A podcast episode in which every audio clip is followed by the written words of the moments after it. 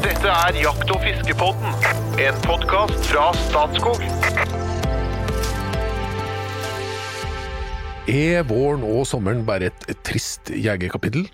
Hvorfor er så mange lakseelver stengt, og hvorfor kan man ikke utvide jakttida på rype i Sør-Norge? Navnet mitt er Trond Gunnar Skillingstad, og jeg er til daglig kommunikasjonssjef i Statskog. Og det jeg så vidt berørt nå, det er lytterspørsmål som våre eksperter skal få lov til å gå inn på. De som svarer, det er blant annet en dieseldunstende kar fra Grue, som er i ferd med å bli den norske jegerkongen. Mann med gravemaskin, traktorer, lastebærer, dieselbiler og doktorgrad i rypeforvaltning. Jo Inge Bre Sjørberget, hjertelig velkommen. Hallo, tusen takk. Podkastens rypedoktor, er du spent på spørsmål som kommer tilknyttet rype, om du greier å svare? Ja, alltid spent på det. Ja. Jeg har Det er særdeles vanskelig. Skrekkblande fryd, heter det. Ja, det er vanskelig. Ja, det går bra. Eh, I tillegg så er jeg veldig veldig glad for å ha med den pasjonerte fiskeren, bluesgitaristen, limerick-kongen, kokken, forfatteren, per perledykkeren og informasjonssjefen i Norges Jeger og Fisk, eh, poddens desidert mest kunstneriske innslag. Eh, Hjertelig velkommen, Espen Farstad. Tusen takk. Er du spent? Jeg alltid gleder meg jeg vet du, når det er lytterspørsmål. Ja, det gjør det. Ja, ja, ja. Det er fint. Kommer noe limerick i dagens episode? Kan være. Jeg, nå, nå løpte jo du for første gang litt av innholdet i denne lytterepisoden. Er Ikke sånn uten videre noe som passer, men jeg har jo, Du er jo- safe- jeg, jeg, ikke sant? jeg lager jo limericker på ulike tema, og ofte så kan man jo klare å få det til at det passer inn. Litt usikker nå, men da har jeg, lag, jeg har lagd et par som er litt mer, skal vi kalle dem tidløse, da. Ja, Eller ja, litt- ja, ja, ja. Ellers så er det jo en enhet på å skape overganger til Limerickan. Ja, du- du. Prater deg litt ut på viddene, og så tenker du ja, og apropos det! Ja.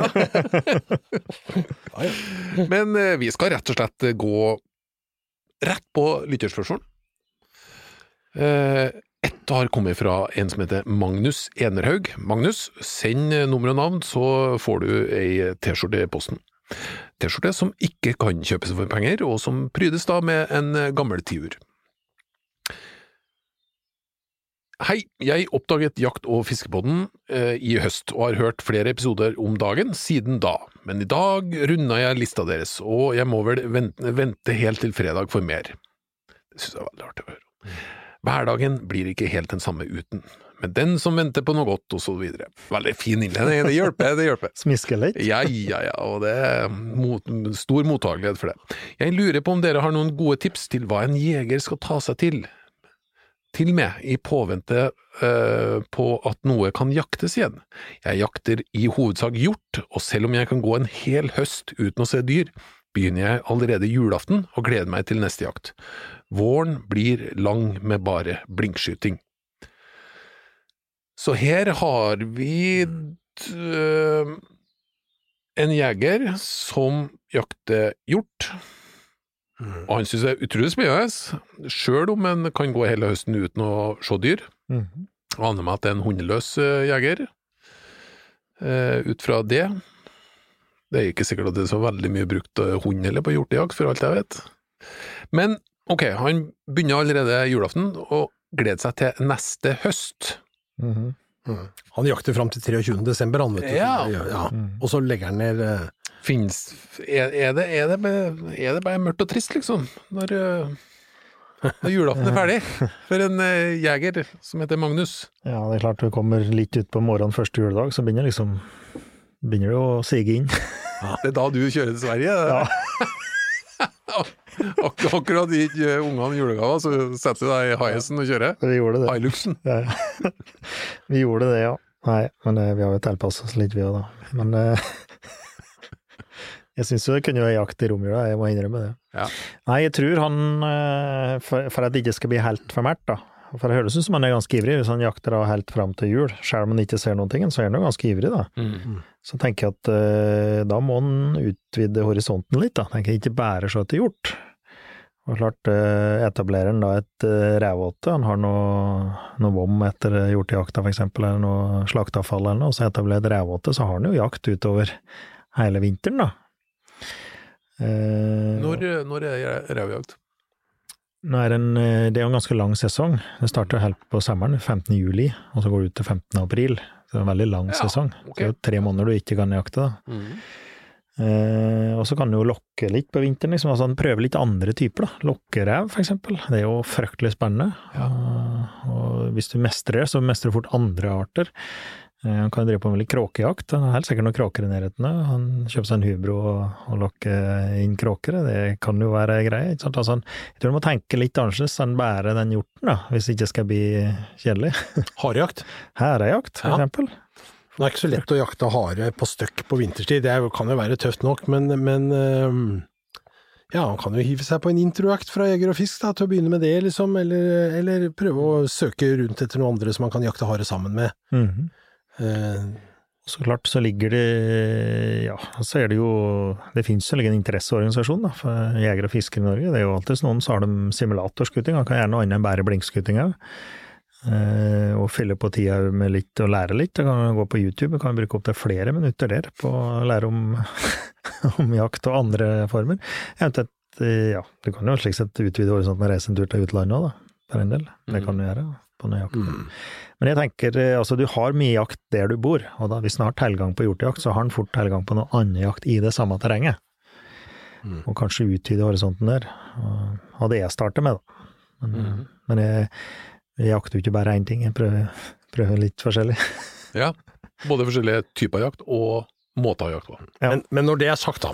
Når det er sagt, det er klart han kan det. Han kan jakte hare, han kan jakte rev, han kan jakte kråke. Det er noe som er jaktbart. Rype òg kan det jo faktisk være områder hvor han kan jakte rype ut, eh, ut februar og mars, hvis han bodde Nei, han bor på Vestlandet, han er ja, Ja. akkurat. Men når det er sagt, som jeg, jeg har litt sympati med det nå, for jeg kjenner litt på det sjøl. Ja. For jeg jakter jo fram Jeg jakter jo skogsfugl, avsluttes til jul. Så jakter jeg rådyr, det avsluttes til jul. Så er ikke jeg, bor ikke jeg sånn at jeg kan fare rett opp i fjellet og jakte rype. Eh, Jeg kunne jakta rev, men så er jo, jeg liker jo mest å skyte på det som jeg kan spise. Så for meg så er det også sånn at jeg pusser hagla litt ekstra godt og setter den bort til oljen inn og setter den bort i våpenskapet. Og så er det litt lang vinter, jeg er helt enig med det. Det er en lang vinter.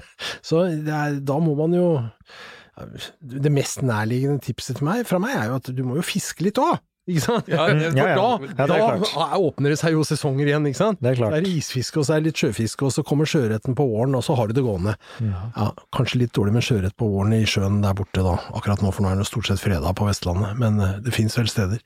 Men, men det er klart det er jo en greie, da. Altså utvide med fisk, eller fellefangst òg. Kan du drive med uh, mårfangst, f.eks. Så kan du ha en lang sesong da òg. Og så er det, er det jo da eh, fullt mulig å møte andre eh, jegere, også byttejakter for eksempel, da. altså prøve noe annet. har sett noen tur på beverjakt, eller altså prøve noe annen jakt, noen annen stand av landet. Det kan du. Men det varer jo til altså ut april, da. Ja, det òg, altså. Ja. Ok. Ja. Det, er jo, det er jo en del eh, Så det er noe jakt på våren. Frem til midten av april så har du litt av hvert, da. Eh, Avhengig av hvor kresen du er. da. Men, Men du eh, får ikke jakta bever i januar-februar, da. Det gjør du ikke. Da er han jo under isen. Ok, Ja. så da er han ikke Altså, om han føler seg mørk og deprimert i januar og februar, så kan han jo bare prøve å være bever. Det sier jeg. Det, det må være et trist liv. Altså det, men det er liksom tenke litt alternativt, da, tenker jeg. Ja. Altså, og kanskje, som Espen ser, å fiske litt, og plutselig så blir den bitt av basillen, og så plutselig er det noe fluebinding eller hemmelading eller et eller annet kan drive med i de merkeste månedene. Ja. Uh, ja, jeg tenker det er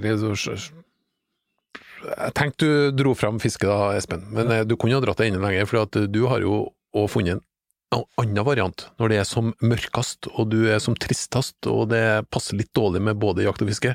For du har jo laga eh, din egen sløydsal i Ja, kjelleren. ja, jo, jo, jo, det er klart. Eh, Det er klart. Men eh, Ja, nei, det er også det, Altså, jeg har jo mange ting. Jeg driver jo også med musikk. Ja. Altså, men, men det er jo det dårlige liksom, når han sender inn spørsmål hvordan han skal utvide jaktsesongen, så sier jeg du må begynne med ukulele, liksom. Det er jo, det er jo egentlig et litt dårlig, dårlig svar, da. Syns jeg. Men det, men det leder meg jo faktisk inn på en limerick, det. Ja, se der, Ja, det er- så det kan jeg gjøre, vet du. For det Om dette, da. Skulle du ha sett. Ja, en, eh, en selvdrevet en, nærmest. En støkkjeger på jakt inne ved selen brukte kveldene til spill på ukulelen. En kombo med kultur på en støkkjegertur kan han kalles jo tross alt for kunstnersjelen. Oi, oi, oi! Så den var til meg selv. Ja, det får det får en si. Ja, ja, Og så ukulele, den overgangen, vet du. Ja. Nei, men jeg er enig, Magnus. med Magnus, her kom det faktisk en god del tips. Eh, det finnes en god del muligheter, også når man kommer ut på januar, februar, mars og halve april. Gode muligheter. Vil du virkelig utvide, så prøver du òg litt eh, fiske. Da er det alltid sesong. Mm. Ja. Magnus, du ender opp med T-skjorte. Eh, men apropos det, for han, eh, han eh, Espen han jakter jo ikke riktig alt. Han, han er jo litt spesifikk. Men noe jaktes jo for mat, og noe ble i hvert fall tidligere jakta mest for uh, Pels. pelsen. Mhm. Ja, så da er vi over på valgets kval. Og Espen, du skal svare først. Ja. Alltid gå i reveskinnsfrakk, eller alltid gå i bevertøfler. Nei, det blir bevertøfler, gitt. Ja, Alltid? Ja. Ja, jo, jo, men altså, alltid revskinnsfrakk, tenkte jeg det om sommeren. Det, går, det er ikke til å leve med. Ja, bevertøfler, det, Det kan jeg, det kan du gå med det kan jeg slofe med, ja. Ja. Ja, det tror jeg faktisk. Ja. Jeg skal, skal være helt ærlig, så er, det hadde vært kult med en revskinnsfrakk òg, men bevertøfler er ikke, Bever er ikke noe av det beste Jo, jo, pelsen du kan er få. Ja, ja, ja. Ja, det er helt fantastisk. Opptil 23 000 hår per kvadratcentimeter på buken på, på beveren. Ja. Du kan tenke deg dette isolerer. Det er bare sånn han kommer opp ifra vann, dri bløte, så bare rister han seg en gang, så er de helt der. Ja. Så står pelsen ut av alle kanter. Så bevertøfler, Ja, det, det kan anbefales. kanskje det finnes produkt? Jeg vet For, ikke, men det kan helt sikkert anbefales. Spør doktor Google. Nei, men eh, da ble det bever, bevertøfler. Men du jakter sikkert ikke bever, Espen? Jeg har skutt bever. Ja, du har det, ja? Ja, ja, men Ja, i, den Nord- du. Nord-Trøndelag, såpass, ja. ja. ja, ja. Ja. Du kan spise den. Det er Ja. kjempegod å spise, Ja. så det er betydelig undervurdert. Og så har den jo dette fantastiske skinnet, da. Ja. Som virkelig, dette er jo ikke, dette er ikke noe du Ja. kaster fra deg, dette tar du vare på. Ja. Jeg har til og med skallen på kontoret mitt. Oh, ja. også, ja, ja, den ble kokt og, og bleka ferdig, liksom. Men de der svære fortenna foran, det er jo fascinerende dyr, vet du. Jeg kommer jo på det, vi hadde jo en eh, Christian Egen Olsen Ja. eh, hit på, på en episode om beverjakt, og da hadde vi beverskinke. Ja. Det var veldig godt. Ja, ja. Mm. Ja. Ja, visst. Så det, han kan jo hende at vi må invitere en gang til. Ja, for. Det er noe annet vi har lyst til å smake på, så må vi tenke. Men over til et spørsmål fra han, eh, Thomas Pedersen. Jeg opplevde at uh, min hjemmeelv ble stengt for laksefiske i fjor. Dette var svært skuffende for mange av oss ivrige fiskere på Levanger. Elva det er snakk om, er Levangerelva. Hva er grunnen til at ei elv blir stengt allerede før sesongstart? Jeg kjenner elva godt, og vet at det var mye fisk i elva, og også god aktivitet av laks i fjorden ved utløpet. Uh, ja, jeg stopper der, så skal jeg komme tilbake til det nå. Mm. Jeg føler, Espen, Mm. At uh, Ja. en god plassering av spørsmålet er hos deg. Eh, Gjerne svare på det. Vi bestreber oss på å ha en kunnskapsbasert forvaltning. Det vil si altså det skal ligge kunnskap om de artene som vi skal forvalte gjennom jakt og fiske. Og så har vi, som vi har vært inne på tidligere, både i, i, i, i fiskeverden og i viltverden, et speilvendingsprinsipp hvor alt er freda, og så åpner vi opp for fiske på, i en lakseelv da, for eksempel. Det betyr at hver elv gis Så er det jo sånn at i Norge så driver vi en bestandsretta forvaltning. Vi besti- det er ikke slik at vi forvalter laksen likt overalt. Den forvaltes ulikt i de ulike vassdragene, for det at hvert vassdrag har sin unike laksestamme og sin, sin egen status for den laksestammen. Hvordan er tilstanden i den enkelte elv? Og da har vi laget et system som er sånn at man skal man skal samarbeide som grunneier i elva, man skal lage en driftsplan for vassdraget, og man skal i den ha et tydelig tall på hva som er gytebestandsmålet i elva. Hvor mange par er det som skal komme opp her og få gyte i fred for at vi sikrer en reproduksjon som, som ikke går nedover på den laksebestanden i den elva. Så man skal ha et, et gytebestandsmål, minimum, og, og hvis man har i elva kartlagt at det er en bestand sterkere enn gytebestandsmålet, ja, så kan man høste av overskuddet. Dette er litt sånn enkelt forklart hvordan det fungerer, da, men Ja. sånn er prinsippet. Så da har man altså en oversikt over alle de 540 eller hva det er for noen laksevassdragene vi har i Norge, jeg husker ikke det tallet helt eksakt, men det er ikke så viktig. Og så gjør man en vurdering i hvert enkelt vassdrag om tilstanden til laksebestanden i den elva er såpass at det kan høstes av den eller ikke. Kan jeg spørre, på, hvordan skjer det Man, man, i praksis? ja, man, man bruker litt sånn forskjellige greier. Noen, noen dykker i elva og teller gytende par, man teller gytegroper. Altså man, man bruker en Ja. ulike metodikk for å danne Ja. seg et bilde av dette. Så en terning, altså omtrent ja. sånn rypetaksering? Altså, Ja, egentlig Det, så er det kan det- sammenlignes, da. Kan sannsynligvis Og det er en form for terskelhøsting. Altså du sier at du ikke skal under et gytemål eller bestandsmål. Ja. Og det kunne du hatt på rypere. Altså at du ikke skal under 15 ryper per kvadratkilometer, f.eks. Mm, Alt over så kan du høste. Så kan du høste ned til det, men ikke, ikke under det, f.eks. Det kunne du også gjort på rypere eller skogshugl. Mm. Mm. Men man setter, man setter altså unike gytebestandsmål for hver elv som skal oppnås, for det er da en slags minimumsbestand. Eh, nå kan ikke jeg alt om om, og så, ja, så kreves det en ting til. Så kreves det fra forvaltningen, for at, for at man skal kunne åpne for fiske, så krever man også at man har en rapporteringsrutine for elva.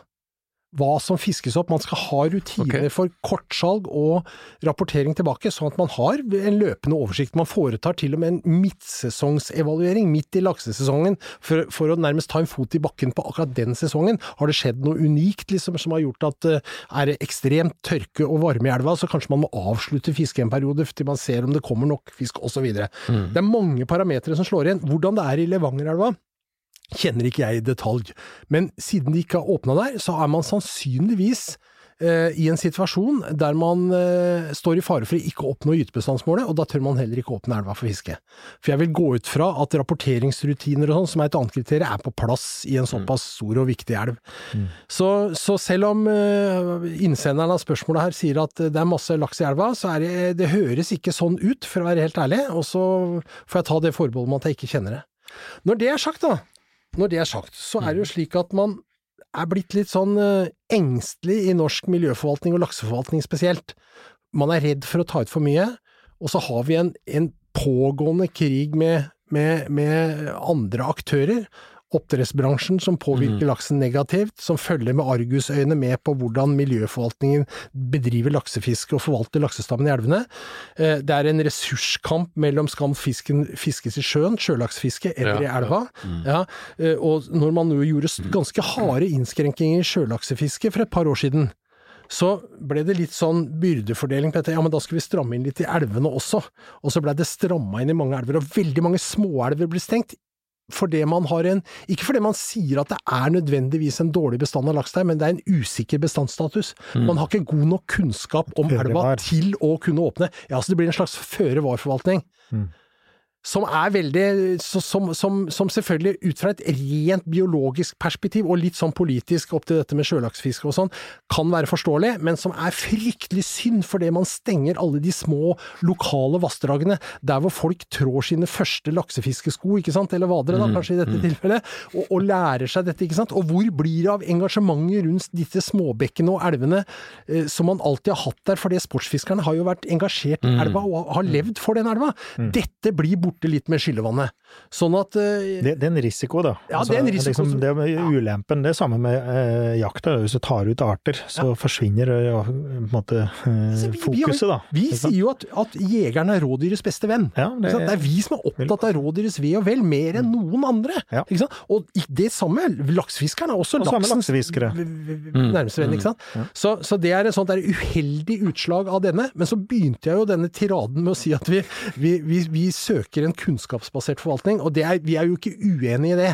Sant? Men hvis vi, vi, vi kan aldri få et 100% presist svar fra naturen, og kan ikke vite, predikere alt til 100% så, så vi må også kunne dra litt på, på, på erfaring som vi har høsta underveis også. Og jeg Og, og justere kursen òg, da. I den Ja. grad at du er for, måte, for forsiktig, da. At du kunne justere kursen. Men det er jo et faktum at det, går veldig eh, dårlig med norske laksestammer sånn sett under ett. Altså det er, norsk laks har det tøft mange elver, da, mange steder. Mm, mm. Eh, det er ikke noe tvil om. Og sjøørreten enda mer. Sant? Og da, da må vi på et eller annet punkt så må vi jo erkjenne at dette er så dårlig at her bør vi kanskje ikke fiske på den. Og, og da, er det, da er det som jeg sier, da må vi ha et sett med kriterier. Og, og på en måte bedømme det etter. da. De setter det målet, og så bedømmer ut ifra det. Og da er ikke nødvendigvis jegere og fiskere de beste til å, til å vurdere det, for vi vil jo drive på med den aktiviteten her. Så i den grad han klarer å være objektiv, da. Han sier at det var mye fisk der, og det, men, men er det på ett bestemt område, eller gjelder det hele elva, eller som er det innsiget? Altså, du, må sette, et, eh, sette med objektive kriterier, og så bedømme ut ifra det, da. Uten å bli påvirket av at du faktisk vil fiske. Altså, Mm. hvis du skjønner. Eh, og, og når du først stenger ei elv, da, så, og vi har en invasjon av pukkellaks, det kan òg være uheldig, ikke sant? Ja. At eh, du da ikke får ferdig med på situasjonen da, for pukkellaks, eller at den da, da kommer inn og får gyte og uh... Akkurat dette var jo aktuelt forrige sommer, da man stengte ned Tana, som er altså verdens aller, aller viktigste laksevassdrag. Ja. Den, den elva er fiska sønder og sammen. Altså, den er ikke betydelig påvirka av rømt oppdrettsfisk eller lakselus. Det det, det er ikke gyrodactylus, og den er ikke kraftregulert. Den er rett og slett fiska sønder og sammen med et for hardt fiske over for mange år. Eh, og så stengte man den elva. Veldig, veldig trist, men et nødvendig tiltak å gjøre det. Og så klaffer det da med det samme år hvor vi får pukkellaks opp i sinnssyke mengder opp i elvene. Så her var det jo ingen førstelinje sportsfiskere til å følge med, passe på, fiske opp osv., ikke sant? For, for det kommer fiskere inn igjen, ikke sant? Og hvem er det som har hjertet for den elva, da, når det ikke fiskes der? Og Så det er, det, dette er jo ikke enkelt. Det Det å Kan eh, catch and release være en del av svaret? Ja, det, det er noen som mener det. Vi mener i Jeger og Fisk at det er en ganske dårlig del av svaret. Vi kan godt bruke catch and release for å styre uttak. Altså for eksempel hvis vi sier at uh, de største fiskene er veldig verdifulle, så du får ikke lov til å ta de største fiskene, eller vi sparer hunnfisken i den elva. Men hvis vi blir stående igjen og fiske utelukkende catch and release på en laksestamme i en elv som egentlig ikke tåler at vi fisker på den, Altså det, la det er etisk uforsvarlig, altså. Ja. Det går ikke. Og det vil alltid være en viss dødelighet ved cash and release-fiske òg, selv om man med riktig behandling kan minimalisere det. Så vil det finnes sånn at det, det, det er ikke noe løsning. Mm. Det er ikke noe løsning. Veldig bra, Espen. Ja. Det var en eh, Men eh, ut, utgangspunktet her var jo også viktig, da. Jeg har jo lært meg et nytt begrep som heter speilvendingsprinsippet. Det vil si at eh, tidligere så stengte man ting. Stengt for jakt, stengt for fiske. Nå åpner man eventuelt. Og så alt, alt det ulovlig inntil det er lovlig. Mm. Ja, og det gjelder også lak- lakseelva. Så, så Thomas, den eh, Det er ikke sånn at den ble stengt, faktisk. Den ble ikke åpna. Men, eh, det, og det gjelder ganske mange elver, da. Ja, Mm. de stengte jo nå, eh, var en- den siste nå, så mener jeg det var en drøyt 120 elver som ble stengt. Ja. Mm. Mm. Og det, det er jo da, sier jo litt om tilstanden mange steder også, sånn Ja. at det er jo et varsko det. Laksen kom jo på rødlista nå i høst. Jeg kan nevne, eh, Det slo meg, Jo Inge, da du, da du nevnte at eh, dere iveren etter fisk og iveren etter jakt Eh, I mine år i, i Statskog så har jeg merka en dreining blant rypejegerne. Nemlig at rypejegerne er veldig opptatt av at dette skal være en art som kan jaktes på i all fremtid. Sånn at man har blitt veldig sånn Ja. påholden egentlig fra jegerhold, og det tippa også man kan være fra fiskerhold da, når det gjelder her. Altså Man ønsker jo å ha en bærekraftig forvaltning inn i evigheten. Også, særlig kanskje når man Absolutt. utøver, Ja, ja, utøver den her absolutt, eh, aktiviteten. Altså, vi jegere og fiskere, vi er på en måte, vi er jo egoistiske, vi vil drive på med det her, men allikevel så er det perspektivet, det, det vil jeg si langt framme i norske jegere og fiskere, altså. Og da er vi inne på et litt sånn element som vi har snakka om før i podden, altså det at brukerne, jegerne og fiskerne, er en del av norsk naturforvaltning. Og det er en kjempestyrke, for da ligger en tillit her og en forståelse for denne type tiltak, ikke sant, i Ja. bånn. Og så- og så er det blandet med at det er følelser, da. Det, vi vil jo helst dette her. Og så kan det i, i stundens halvår så kan det liksom overskygge litt, men, men innerst inne så vet du at denne, det her er, det er ikke Du, vet du hva, det er en indre sorg det der, Jo Inge. For Ja. jeg kjenner på det, jeg som har hytte nede i Oslofjorden, Mm. og som har brukt alle påskene de siste årene på å være der nede og fiske sjøørret, og torsk, ikke Ja. minst torsk, og plukke blåskjell. Mm. Eh, Blåskjellet er borte, og torsken er freda. At torsken er freda, det, altså, det halverte gleden ved å være nede i fjorden der. Så det er rett og slett, jeg blir trist når jeg ser ut på fjorden og tenker at den er så skakk forvalta og kjørt ned i grøfta, den fjorden her, at jeg faktisk ikke kan bruke den på samme måte lenger. Og det samme tenker jeg han kjenner på Levangerelva, når han står ved siden av og sier at her får jeg faktisk ikke lov å fiske. Det er klart det er trist. Og det, og det forundrer meg at ikke vi har en større debatt i samfunnet vårt om akkurat slike ting, eller? For å ta hele Oslofjorden. Ja. Og så ser du ærfuglbestanden går dårlig, skarv går dårlig, de fleste sjøfuglene våre går dårlig, og laksen vår, sjøørreten vår, det er jo Det er jo ikke bra. Nei, det er ikke bra. Ikke bra i det hele tatt. spiser scampi og kylling. Ja. Eller Stillehavsøsters, går det an å spise den? ja da, men det, du får nok av den, skjønner du. Ja, ok. Ja, du har, har du prøvd det? Ja, ja, ja. Ja. ja, ja Plukka stillehavsøsters og, og, og gratinert i ovnen med parmesan over. Og, ja. da. er bra, Men den er svær som et kyllingbryst. Det er på grensen Ja. til å være heslig, vet du. Så ja, det er ikke som et blåskjell, nei. Nei, ellers så han Thomas, eh, han skryter jo av eh, av trønderpatriotismen i podkasten, så det setter jeg jo superpris på. I tillegg men jeg, jeg kom på en ting, for fordi at jeg fikk en tilbakemelding. For jeg, av og til Jeg syns Namsen, elvenes dronning, eh, til Namsos, eh, det har jo en sånn eh, interessant historie, syns jeg, med lakselorda. Det, det, det, forteller noe om Norge, forteller noe om England, forteller noe om mange ting. Men så fikk jeg en lytter som, som ba meg ta med det at det er faktisk ikke en sånn overklasseaktivitet, heller ikke i Namsen. For laksefiske, også i Namsen, kan være veldig rimelig. Så kjære lytter, nå har du nå har jeg, nå har jeg, det er fullt mulig, sannsynligvis i lakseelva i hele Norge, å ha rimelig fiske. Men har du lyst til å ha superduper tilrettelagt, så er det også muligheter i annen prisklasse. Mhm. Herved sagt, over til Øyvind Jensen. Siste spørsmål. Hvordan er muligheten for å få utvidet rypejakta her i Sørvest-Norge til samme dato som Nord-Norge? Vi sliter også med mørkt, mye snø, mørke, mye snø og dårlig vær i januar og februar. Her eh, må jeg innrømme at eh, jeg var, jeg var ikke klar over at Jakt jakttiden ikke var det samme. Eh, Men det er Så vi, vi starter der. ja. Ja, det er jo, det er jo to sider til til samme sak. Jeg vet ikke helt hvor den sperret er, for utvide jaktid, Du har uh, rypa og en art som har slik sett har to forskjellige jakter. Og når du kommer langt nok nord, så varer jakta litt lenger. Ja, Det var det han lurer Er på. det det han lurer kan, på? kan kan ikke gjøre det Han vil ha de ekstra 15 dagene i mars, han også, som de har i, Ja, det det Ja, han- ja, det er det han spør om. Så det er ikke det at det ikke er jakt, altså at jakta stopper til jul, for det er jo vanlig i Sør-Norge. Altså at du det ikke er jakt etter jul, men han tenker på den utvidede jakta, altså fra Jeg tror det. 1. mars til ja, mars. Vi, vi tar det som forutsetning. Ja, skjønner, skjønner. Jeg heffer ikke det. Nå er det ved, i den grad eh, vi har det, og har det i nord, så er det ved, det må være, tror jeg da, betinget av, eh, som du sier, merk tid og, og lang vinter da. Eh, og jeg, jeg vet, jeg har ikke noen god forklaring på hvorfor vi ikke har det lenger sør. Jo, men det er jo, jo, jo Inge, det er jo, dette er jo argumentert for på den måten at vi kan jo jakte eh, ryper i januar og februar. Det er ikke så veldig lett i Finnmark, for da er det ganske mørkt, altså. Ja, ja, men Så- jeg mener at ja. de har lengre, om, og lengre vinter og mer, merketida, da, som varer lenger, så det, jeg tror det er betinget det. Mens svensker derimot, de har jo utvidet jakta helt ned, egentlig så langt rypen går, da, i sør. Men ikke til 15. mars, vel? Eh, jo, Er det? Ikke Ja. bare ut februar, da? nei, Å ja. de utvider jakt i hele veien. Ja. Og, og det er, eh, og, da, så at eh, det er jo ikke uvanlig at eh, nordmenn reiser til Sverige på eh, rypeprøver, eksempel, altså høyfjellsprøver da, i mars, og, og får premiert sine hunder der, da. på litt enklere ryper. Men det, det har noe med merketid å gjøre, ja. Ja. Eh, ja. Konklusjonen er sannsynligvis at det, det er greit at det er mørkt, mye snø og dårlig vær i januar-februar på Sør-Vestlandet, men det er enda mørkere og enda, enda kaldere ja, det det, i. Nord-Norge. Ja, det er ganske stor Det forskjell, egentlig faktisk, bedre. på det. Ja. Ja. Og så er det er det noe med Ja, vi kan jo ønske oss det skjelvet, da, men det, det er jo, dette er jo kapitalen vår, da. Dette er de, dette er de pengene vi har i banken, ikke renta, som regel.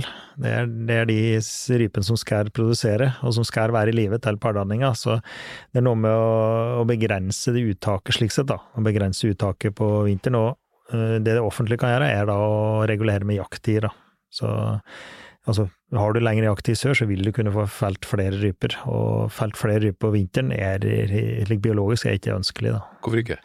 Nei, for de voksne rypene som har overlevd eh, jula, langt på vei er i live til pardanninga da i april-mai. Mm. Men, men, men ideelt sett så ønsker jo vi oss, i hvert fall fra Jeger og Fisk, så vide jakttider som mulig fra det offentlige, og så får man heller lokalt skrenke inn der man føler behov for det, ut fra det kunnskapsgrunnlaget man har. For at å lage en generell regel som innskrenker med den begrunnelsen som du sier der nå, det er jo Da kunne man jo sagt at egentlig så burde vi ikke hatt noe etter jul i det hele tatt. Ja, og det, og det Eller kan jo det offentlige gjøre, da. og hvor skal dette ende, liksom? Ja, ja ikke sant?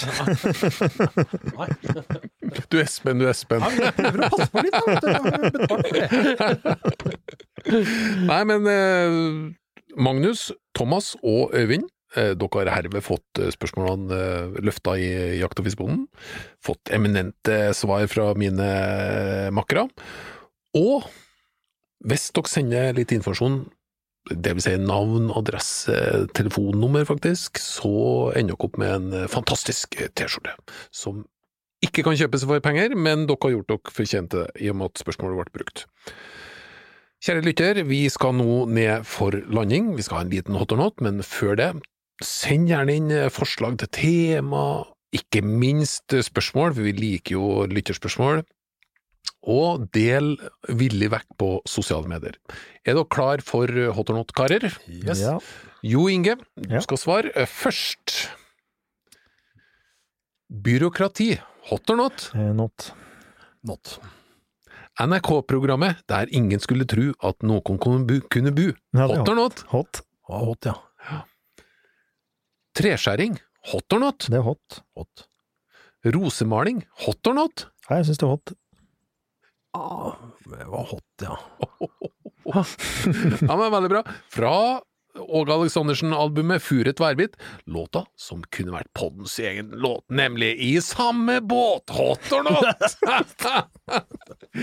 det var det her, jeg hører et rungende hot fra studio. Takk for følget, og velkommen tilbake til nye eventyr i Jakt- og fiskebåten.